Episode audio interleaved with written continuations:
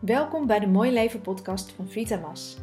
Mijn naam is Martine Zweers en ik neem je in deze podcastserie mee in allerlei vraagstukken rond leven, loopbaan, keuzes, geluk, werkplezier, balans en nog veel meer. In deze vierde aflevering van de podcast neem ik je mee in reframen. En dat is eigenlijk het opnieuw labelen van bepaalde situaties. Ik leg het je helemaal uit in deze podcast. Veel luisterplezier.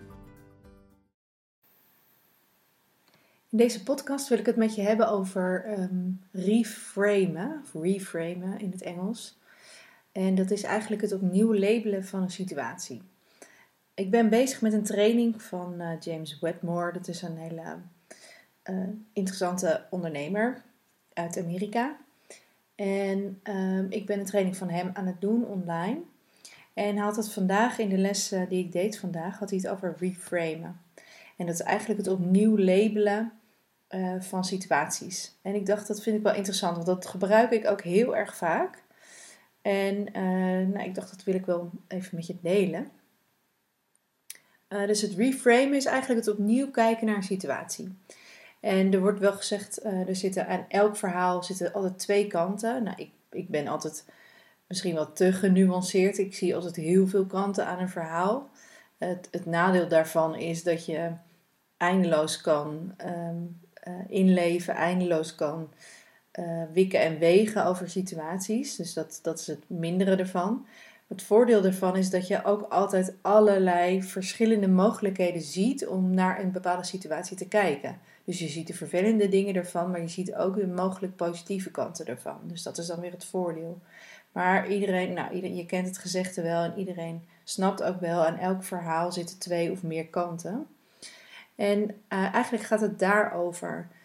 Um, als je een interpretatie hebt van een bepaalde situatie, dan kun je altijd kijken, als je dat bewust doet, kun je altijd kijken, is er nog een andere kant aan het verhaal? Is er nog een andere kant om naar de situatie te kijken? Um, ken je bijvoorbeeld het voorbeeld uh, dat twee vrienden, die zitten met elkaar aan de telefoon en de ene vertelt de ander, we krijgen een nieuwe hond. Nou, het is, een, het is zo'n afbeelding. Misschien heb je die tekening daarvan ooit wel eens gezien. Nou, dus de een omschrijft de hond die ze krijgen aan de ander. Hij zegt bijvoorbeeld, nou, de hond is middelgroot. Uh, hij is wit met een paar zwarte vlekken hier en daar. Uh, lange oren, korte vacht, niet te lange poten, een beetje een spitse snuit. Nou, allemaal dat soort kenmerken. Uh, dus die, de, die, die, degene die de hond krijgt, die heeft natuurlijk helemaal het beeld van de echte hond. Maar denk je dat die vriend die aan de telefoon zit, precies hetzelfde beeld heeft van de hond?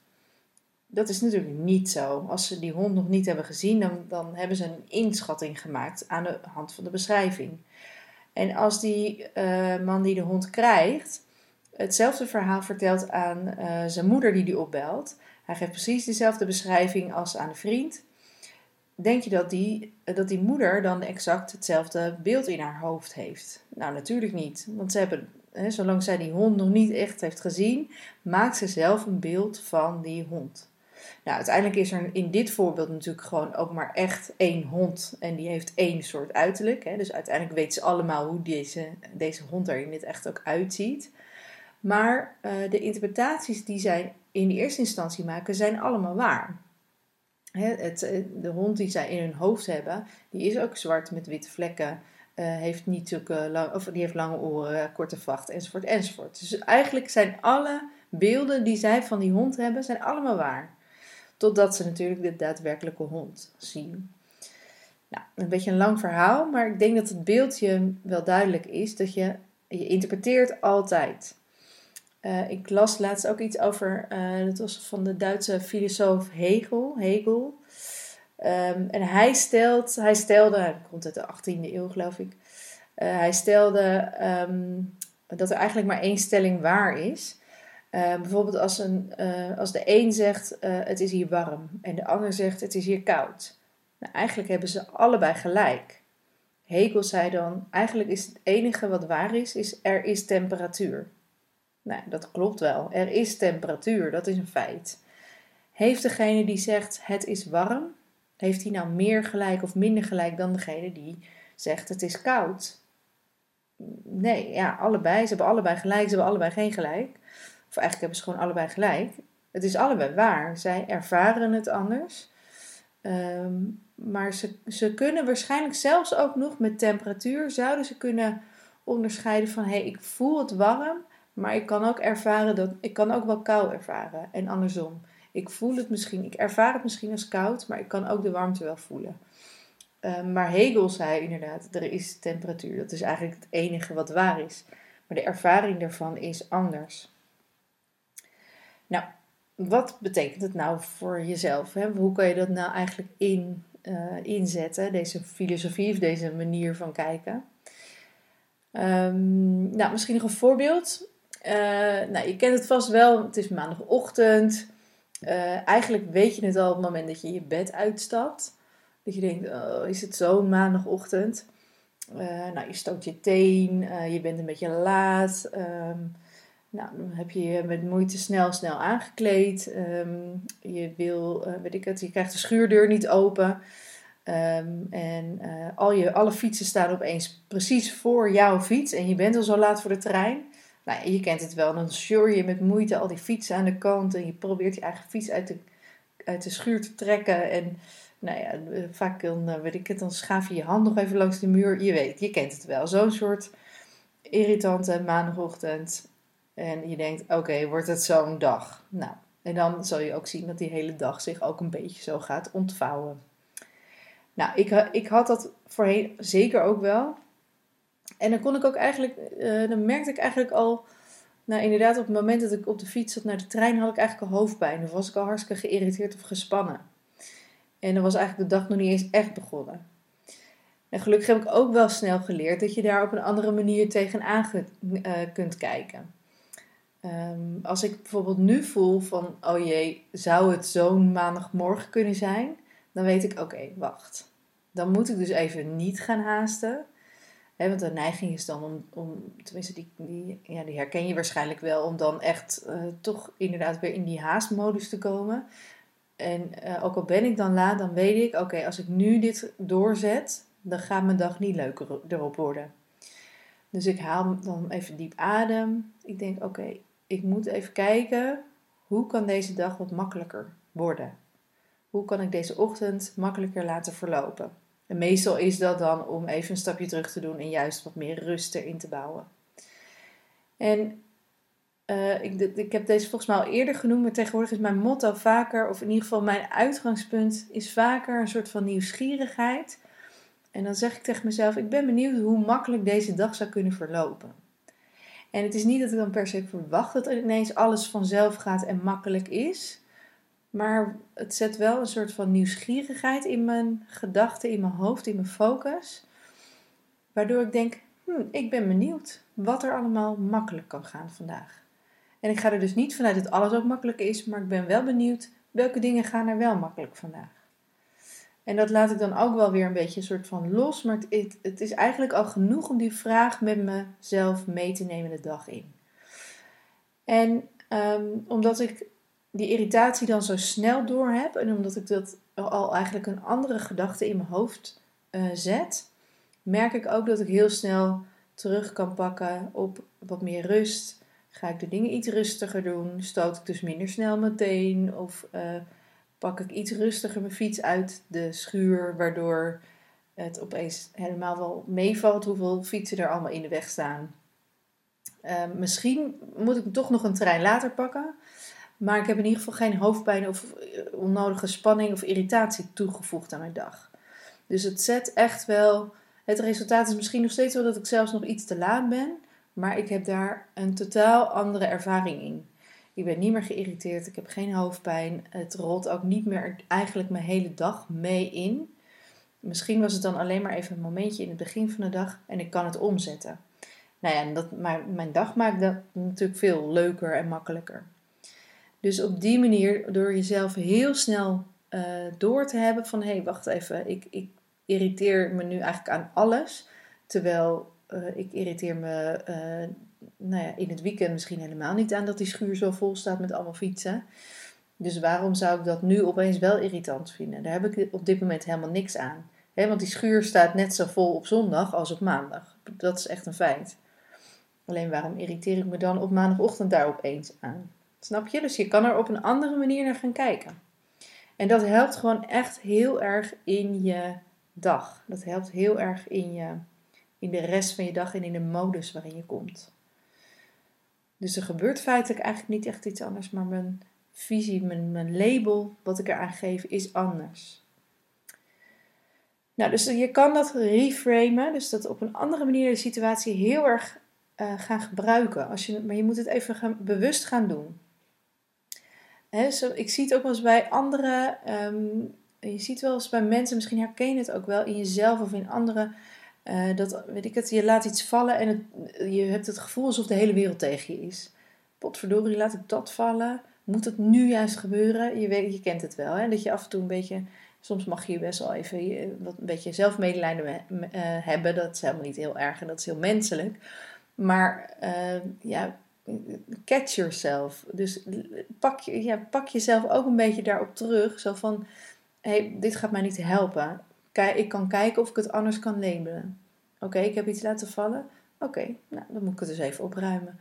Ik, ik merk dus ook eigenlijk als ik inderdaad iets laat vallen, dan is het, ja, nou ja, ja het doet me eigenlijk niet zo heel erg veel. Terwijl ik zie best wel veel mensen om me heen. Als die iets laten vallen, dan zijn ze ook meteen heel boos en geïrriteerd. En alles is dan meteen heel stom.